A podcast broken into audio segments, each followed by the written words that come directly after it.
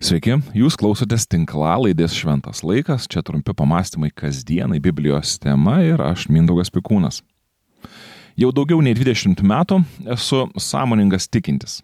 Beveik tiek pat metų praleidau asmeninėse bei akademinėse studijose, bandydamas suprasti savo tikėjimą ir atrasti jo ryšį su kasdiena.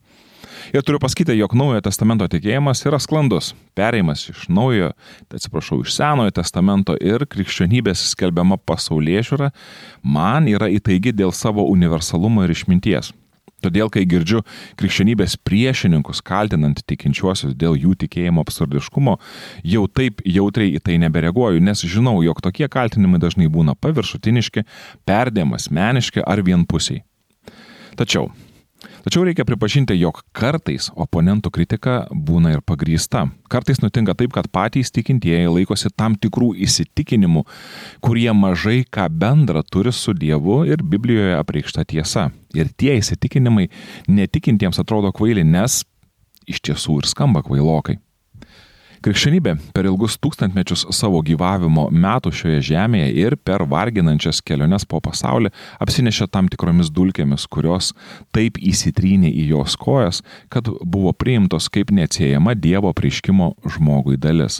Štai dėl ko net ir patiems krikščionims reikia būdėti ir praktikuoti ne tik maldą ir gerus darbus, bet ir kasdienį Biblijos skaitimą, tam, kad pelai būtų atskirti nuo grūdų ir kad Dievo tiesa nebūtų suteršta žmogaus nuomonių. Apie vieną iš tokių nešvarumų ir noriu pakalbėti šiandien mūsų tinklalaidėje. Turbūt visiems kada nors teko girdėti mintį, jog Jėzui reikėjo mirti, kad sutaikytų mus su Dievu.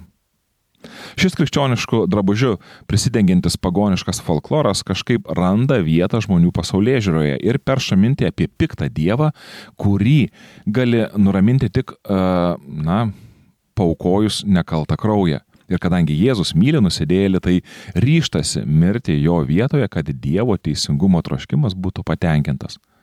Taip kalbantys krikščionis, sąmoningai ar ne, gali tapti skleidėjais mokymo, jog danguje yra nesutarimas tarp pačių dievų. Panašiai kaip kokiame pagoniškame panteone, kur vieni dievai rodė palankumą vieniems žmonėms, kiti kitiems, vieni buvo labai draugiški, kiti labai priešiškai nusiteikę. Jėzus atėjo paneigti šią neteisingą prielaidą bei parodyti, jog danguje ir žemėje yra tik vienas Dievas.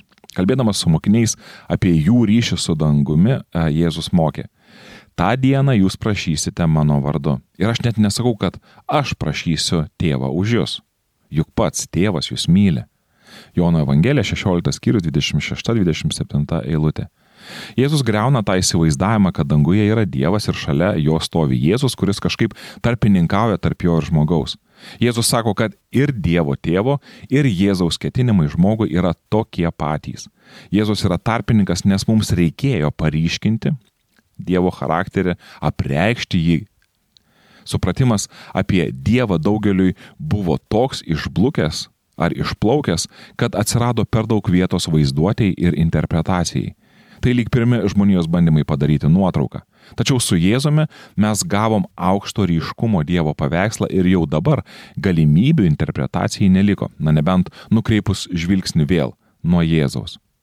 Jėzus yra ta trūkstama detalė, kad ryšys tarp žemės ir dangaus būtų atstatytas. Todėl Jėzui nereikėjo mirti kažkaip tam, kad Dievo troškimas atstatyti teisingumą pusiausvyrą būtų patenkintas ir žmogui nereikėtų mirti už savo nuodėmės.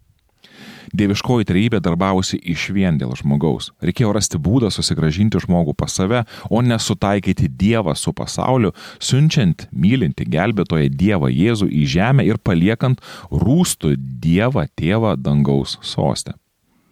Jėzus sutaiko ne Dievą su pasauliu, greičiau Jėzus sutaiko pasaulį su savimi. Aš puikiai suprantu, kad ši mintis labai priklauso nuo to, kaip mes ją suformuluosime, kur uždėsime akcentus ir iš kurio taško pažvelgsime. Tačiau Biblijoje yra pakankamai aiškiai kalbama apie tai, jog dieviškoji trejybė niekada neturėjo problemų savyje dėl nuodėmingo žmogaus. Tiek Dievas tėvas, tiek Dievas sunus, tiek Dievas šventoji dvasia visada vieningai ir iš vien darbavosi dėl žmogaus, dėl jo gerovės ir dėl jo išgelbėjimo.